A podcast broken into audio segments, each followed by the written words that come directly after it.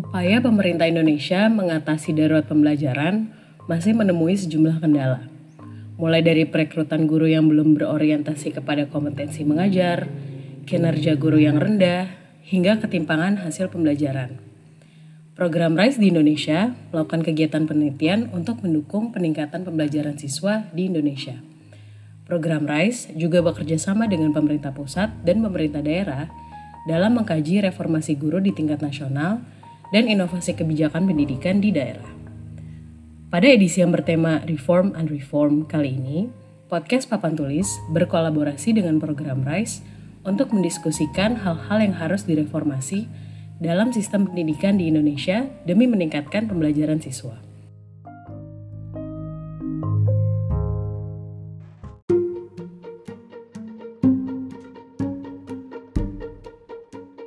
Episode dari Reform and Reform kali ini adalah Bersekolah Apakah Belajar? Saya Anwari, host Papan Tulis. Ngobrol bareng dengan Daniel Surya Dharma. Daniel meneliti tentang reformasi guru di tingkat nasional dan inovasi kebijakan pendidikan di daerah. Ia menyandang gelar doktor di bidang ekonomi dari Australian National University.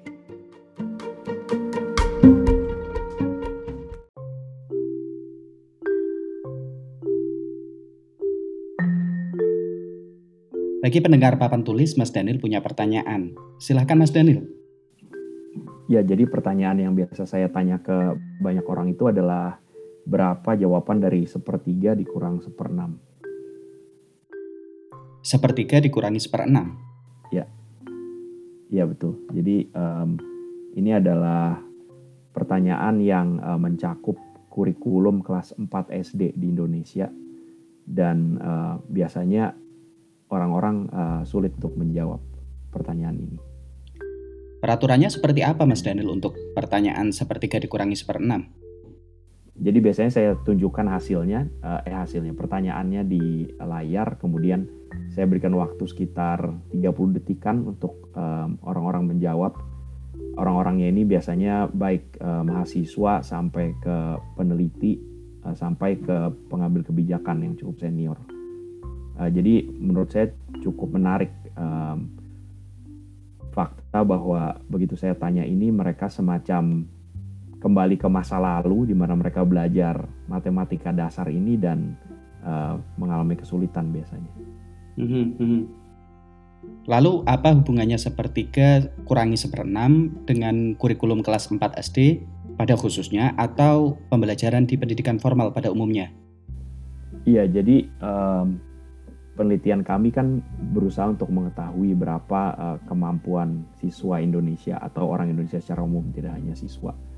Nah, jadi untuk penelitian ini kami menggunakan suatu survei yang disebut IFLS (Indonesian Family Life Survey), di mana survei itu ada suatu modul yang uh, ada pertanyaan matematikanya yang mencakup matematika uh, kurikulum kelas 1 sampai kelas 5 SD dan ini ditanyakan ke uh, siswa dari usia 7 sampai uh, 24 dan juga bukan hanya siswa tapi uh, rumah tangga. Jadi orang-orang yang sudah uh, tidak bersekolah pun ditanyakan.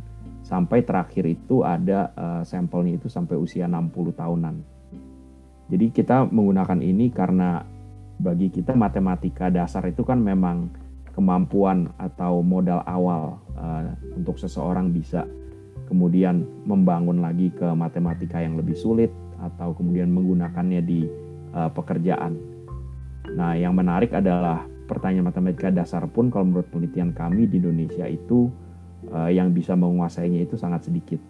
Jadi ini adalah semacam jalan masuk untuk uh, penelitian program RISE yang bertujuan untuk melihat bagaimana sebuah sistem pendidikan itu bisa berorientasi kepada kualitas uh, pendidikan jadi kalau menurut saya um, ini menarik karena di Indonesia itu sebetulnya sistem pendidikan itu cukup sukses kalau tujuannya itu untuk meningkatkan partisipasi sekolah. Jadi tahun 70-an sudah mulai ada program pembangunan SD Inpres yang 60 ribu uh, sekolah di seluruh Indonesia kurang lebih mhm. dibangun. Mm -hmm. yep. Tahun 80-an ada uh, wajib belajar dan bahkan tahun awal 90-an itu uh, sudah universal, jadi hampir 100% anak usia 6 sampai 12 itu ada di sekolah. Jadi Indonesia itu cukup sukses dalam hal uh, meningkatkan partisipasi sekolah. Sampai sekarang pun uh, tingkat SMP SMA juga cukup sukses, partisipasinya cukup tinggi. Tapi problemnya adalah bagaimana soal uh, kualitas. Jadi itu yang kami coba teliti di program RISE selama ini. Disebutkan tadi responden ada yang masih sekolah, tapi juga ada yang sudah lulus dari pendidikan formal usia 18 sampai 30 atau bahkan ada yang 60 tahun. Alasan pemilihan responden dengan latar belakang yang berbeda? Jadi kalau untuk yang masih sekolah kan karena seperti yang saya bilang Indonesia kan sudah hampir semua orang Indonesia itu lulus SD. Berarti kami gunakan uh, pertanyaan matematika yang uh, kurikulum SD. Jadi seharusnya anak-anak SMP, anak-anak SMA itu bisa menjawab pertanyaan-pertanyaan ini dengan baik atau dengan benar. Nah, kemudian tujuannya untuk melihat yang sudah tidak bersekolah adalah kita ingin tahu apakah nanti setelah mereka masuk uh, dunia kerja, misalkan, apakah mereka masih ingat pertanyaan-pertanyaan uh, mendasar matematika. Jadi itu sebagai indikator apakah ini masih digunakan atau mereka hanya belajar uh, pada saat sekolah dan setelah lulus sekolah tidak digunakan lagi. Berarti ada pertanyaan apakah ini sesuatu yang relevan bagi uh, pekerjaan mereka. Tapi sebetulnya pertanyaan ini um, saya tidak tahu relevan atau enggak karena yang kami tes itu hanya matematika yang uh, tingkat dasar ya, tingkat SD yang tentu dipakai di hampir semua pekerjaan. Itu sih alasannya.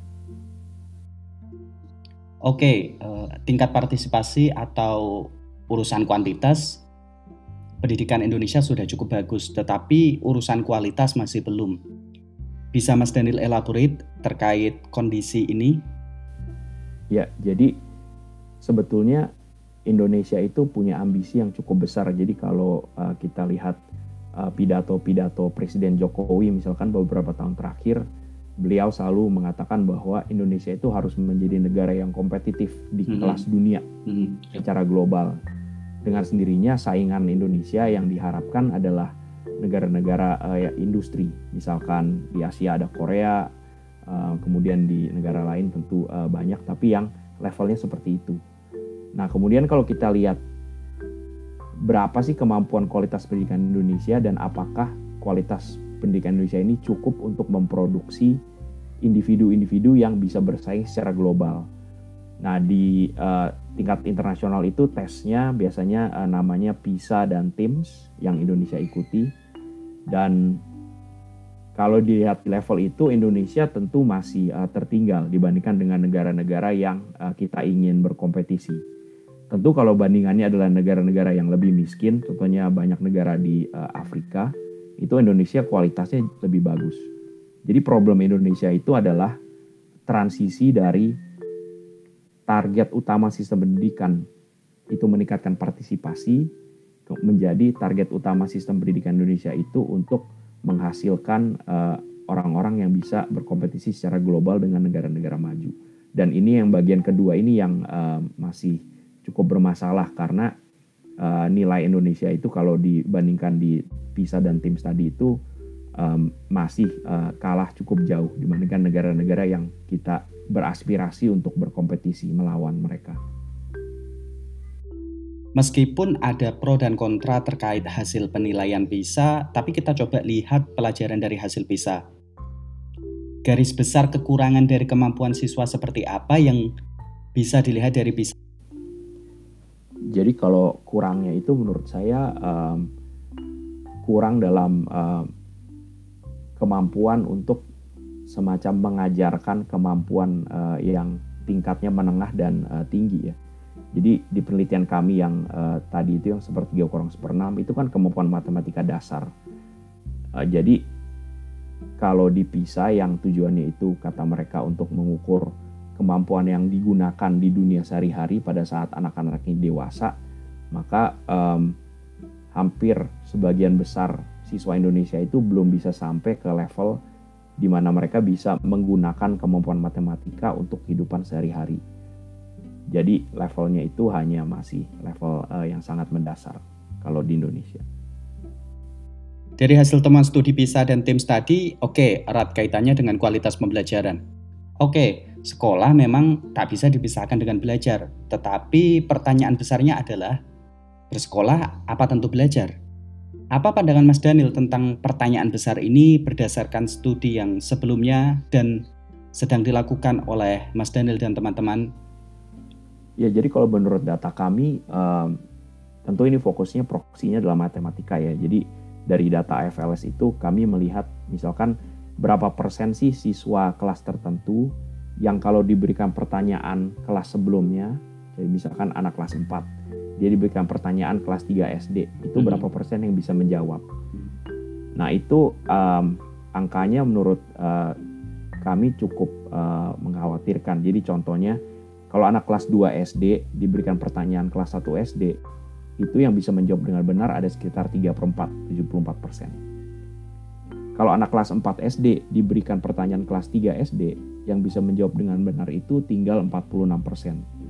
Jadi ada 54% siswa kelas 4 yang sebetulnya tidak menguasai uh, kurikulum kelas 3 SD, padahal dia sekarang kelas 4.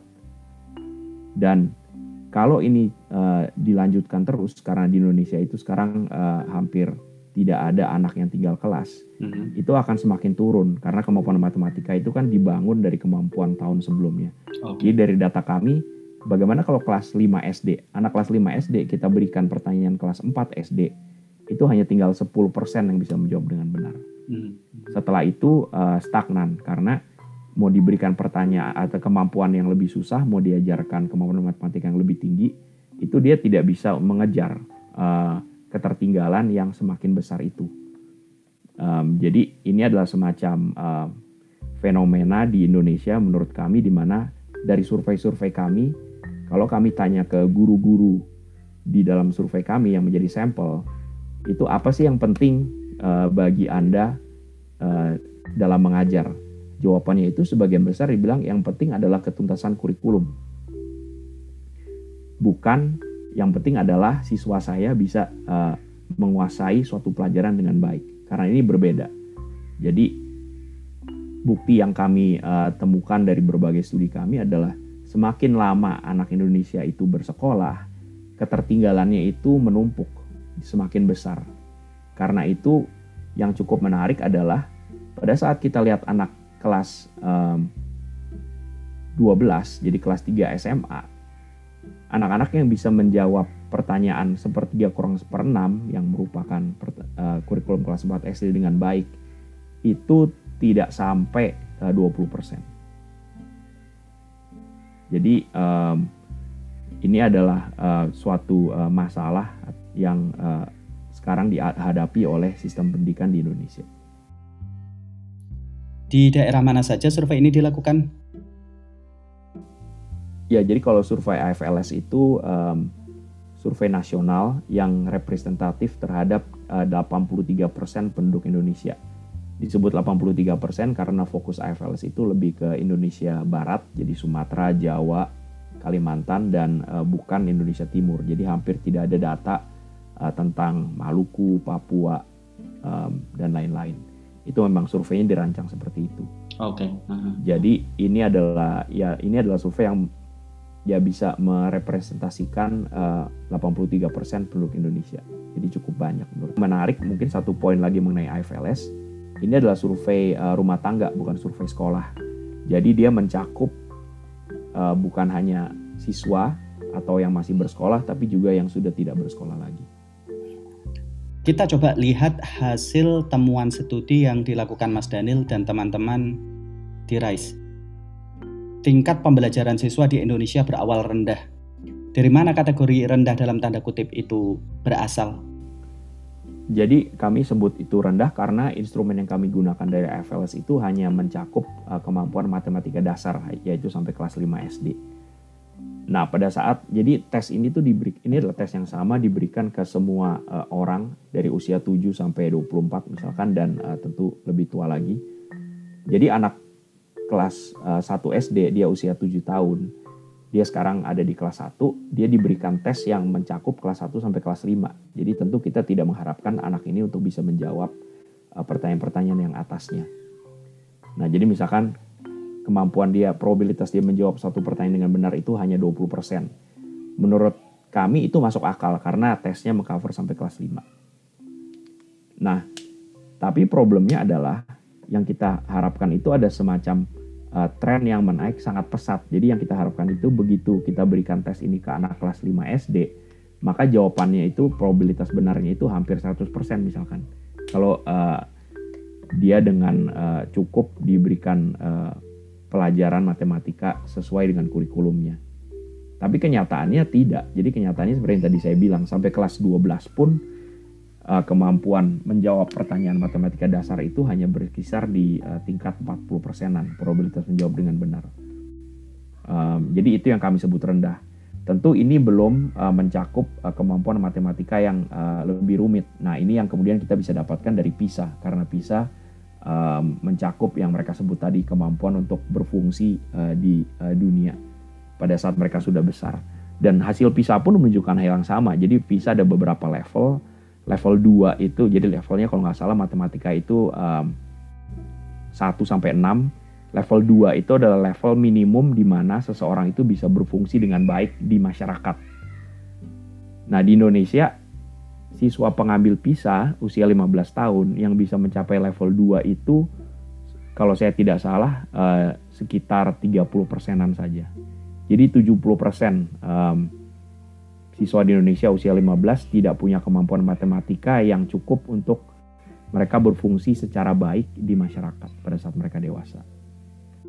Disebutkan tadi sebagian responden adalah anak sekolah dari berbagai tingkat kelas dan salah satu temuan dari studi yang dilakukan adalah sedikit sekali peningkatan kemampuan siswa antar jenjang kelas yang dikategorisasikan berdasarkan?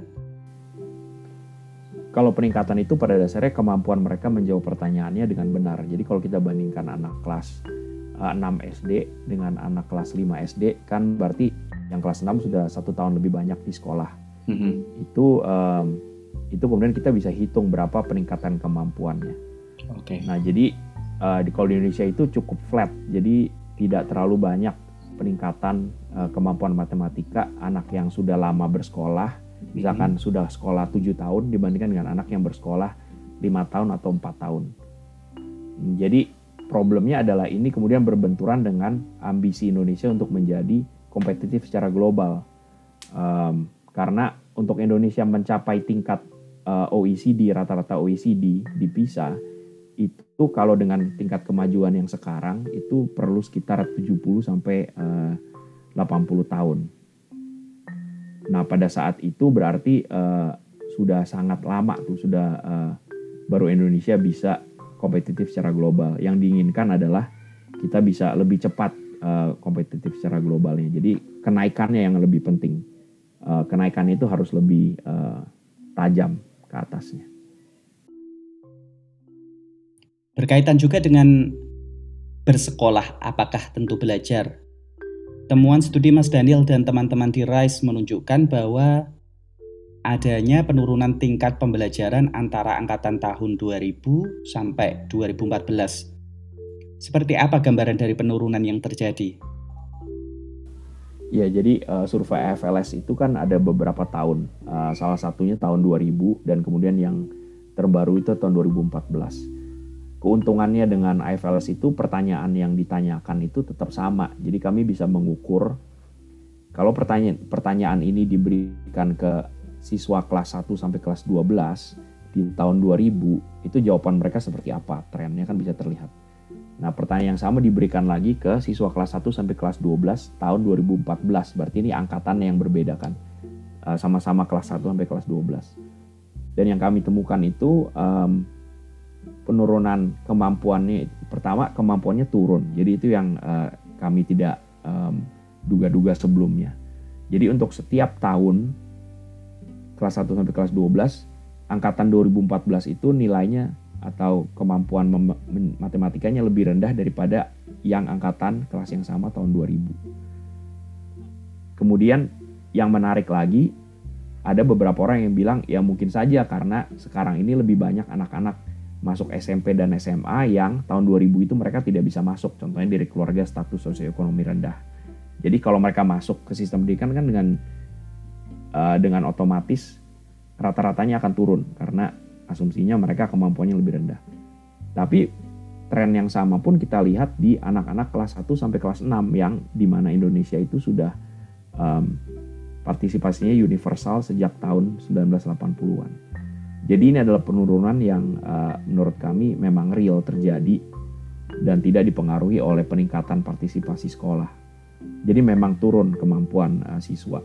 Turunnya sebetulnya um, tidak terlalu banyak ya, kurang dari 10%. Tapi tetap saja di era di mana antara tahun 2000 ke 2014 itu kan era di mana Indonesia itu investasi, peningkatan investasi pendidikannya cukup banyak. Sudah banyak kebijakan, ada um, desentralisasi pendidikan, ada amandemen konstitusi, sekarang APBN atau belanja negara harus 20% ya. untuk pendidikan mm -hmm. dan lain-lain. Tapi kenyataannya yang kita lihat adalah uh, kualitasnya ternyata menurun. Oke, melihat hasil studi yang menunjukkan penurunan kualitas pembelajaran, um, kenapa penurunan ini bisa terjadi? Kalau dilihat dari analisis hasil studi maupun faktor-faktor yang ditemukan di lapangan.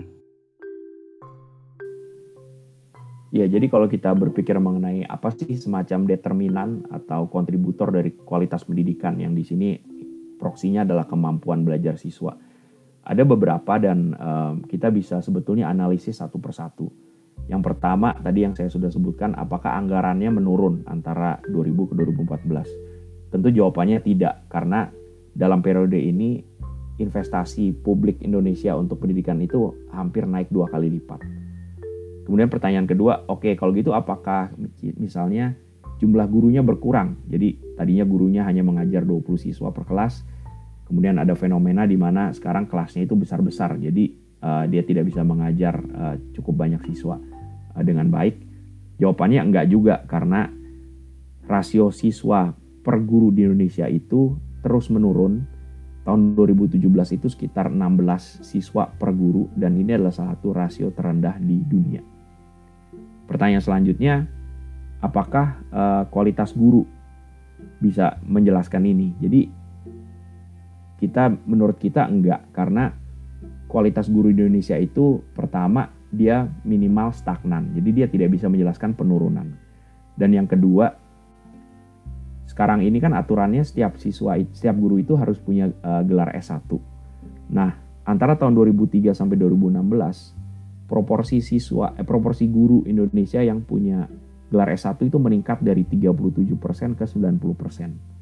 Jadi seharusnya kalau ini saja yang terjadi maka kualitas pendidikan Indonesia itu tidak akan turun.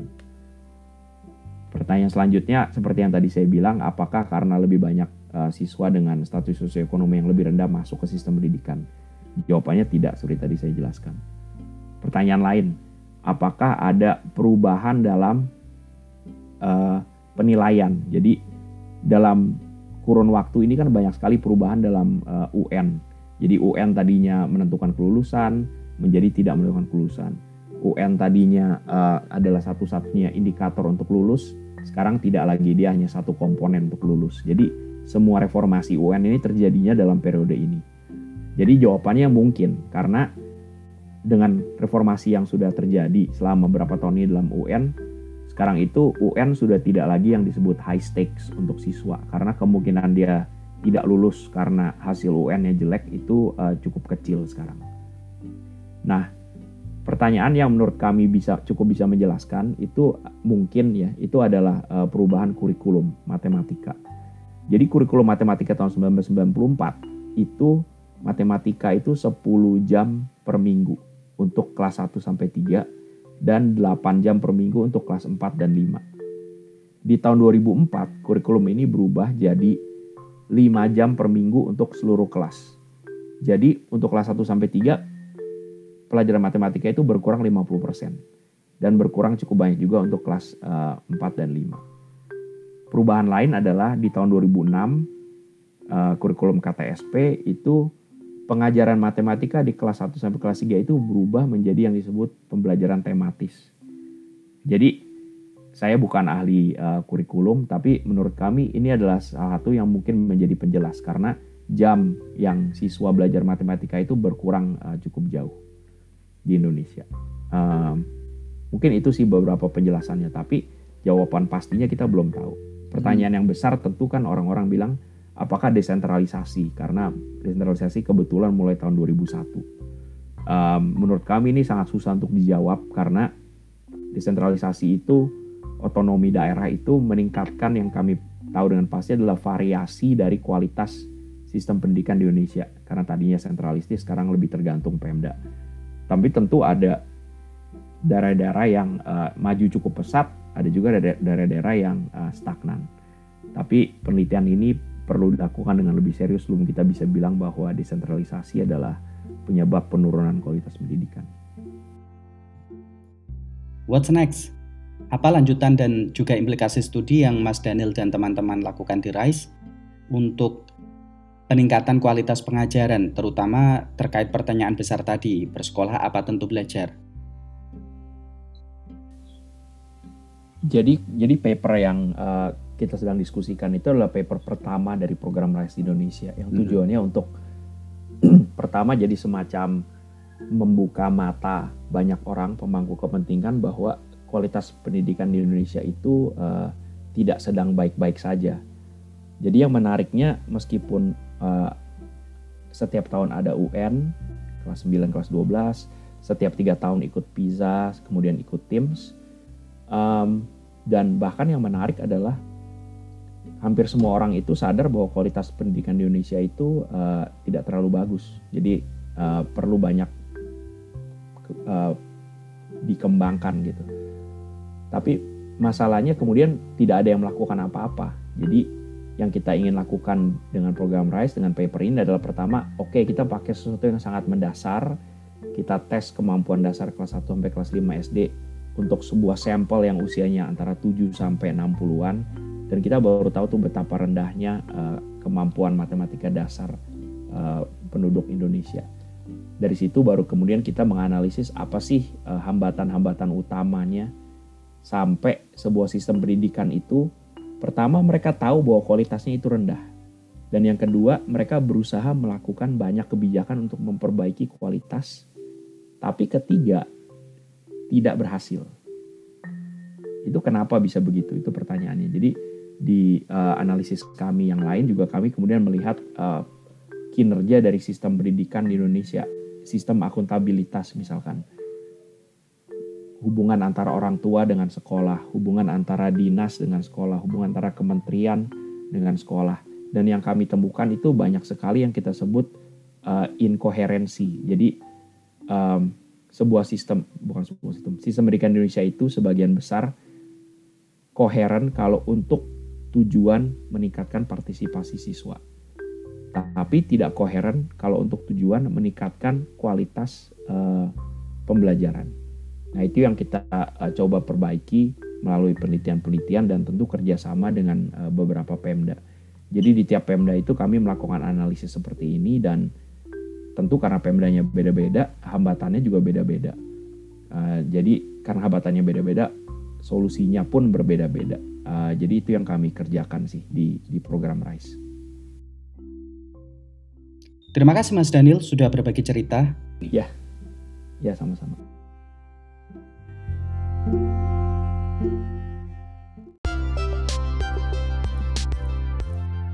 Terima kasih telah mendengarkan Reform and Reform. Ikuti terus diskusinya melalui podcast Papan Tulis di mana pun Anda mendengarkan podcast.